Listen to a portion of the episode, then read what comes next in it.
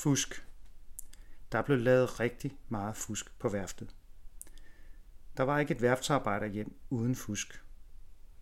Der var også mange, der lånte, eller hvad man nu skal kalde det, værktøj fra værftet. Ofte dukkede der værktøj op med værftets logo på i private hjem. Det var også sjovt at se, hvordan mange af byens garager fik samme farve som skibene på værftet. Nok fordi man brugte samme maling. Man kunne mangle et lysstofsrør hjemme og kom til at tage det ind under kædedragten. Det gjorde, at man så gik lidt sjovt op og ned ad trapperne, hvor portvagten havde udsyn til. Men ikke nok med det. Der blev også lavet lysestager, havelåger og lamper til sig selv og sine venner. En gang var der også en af værftsarbejderne, der skulle have lavet en sneskov.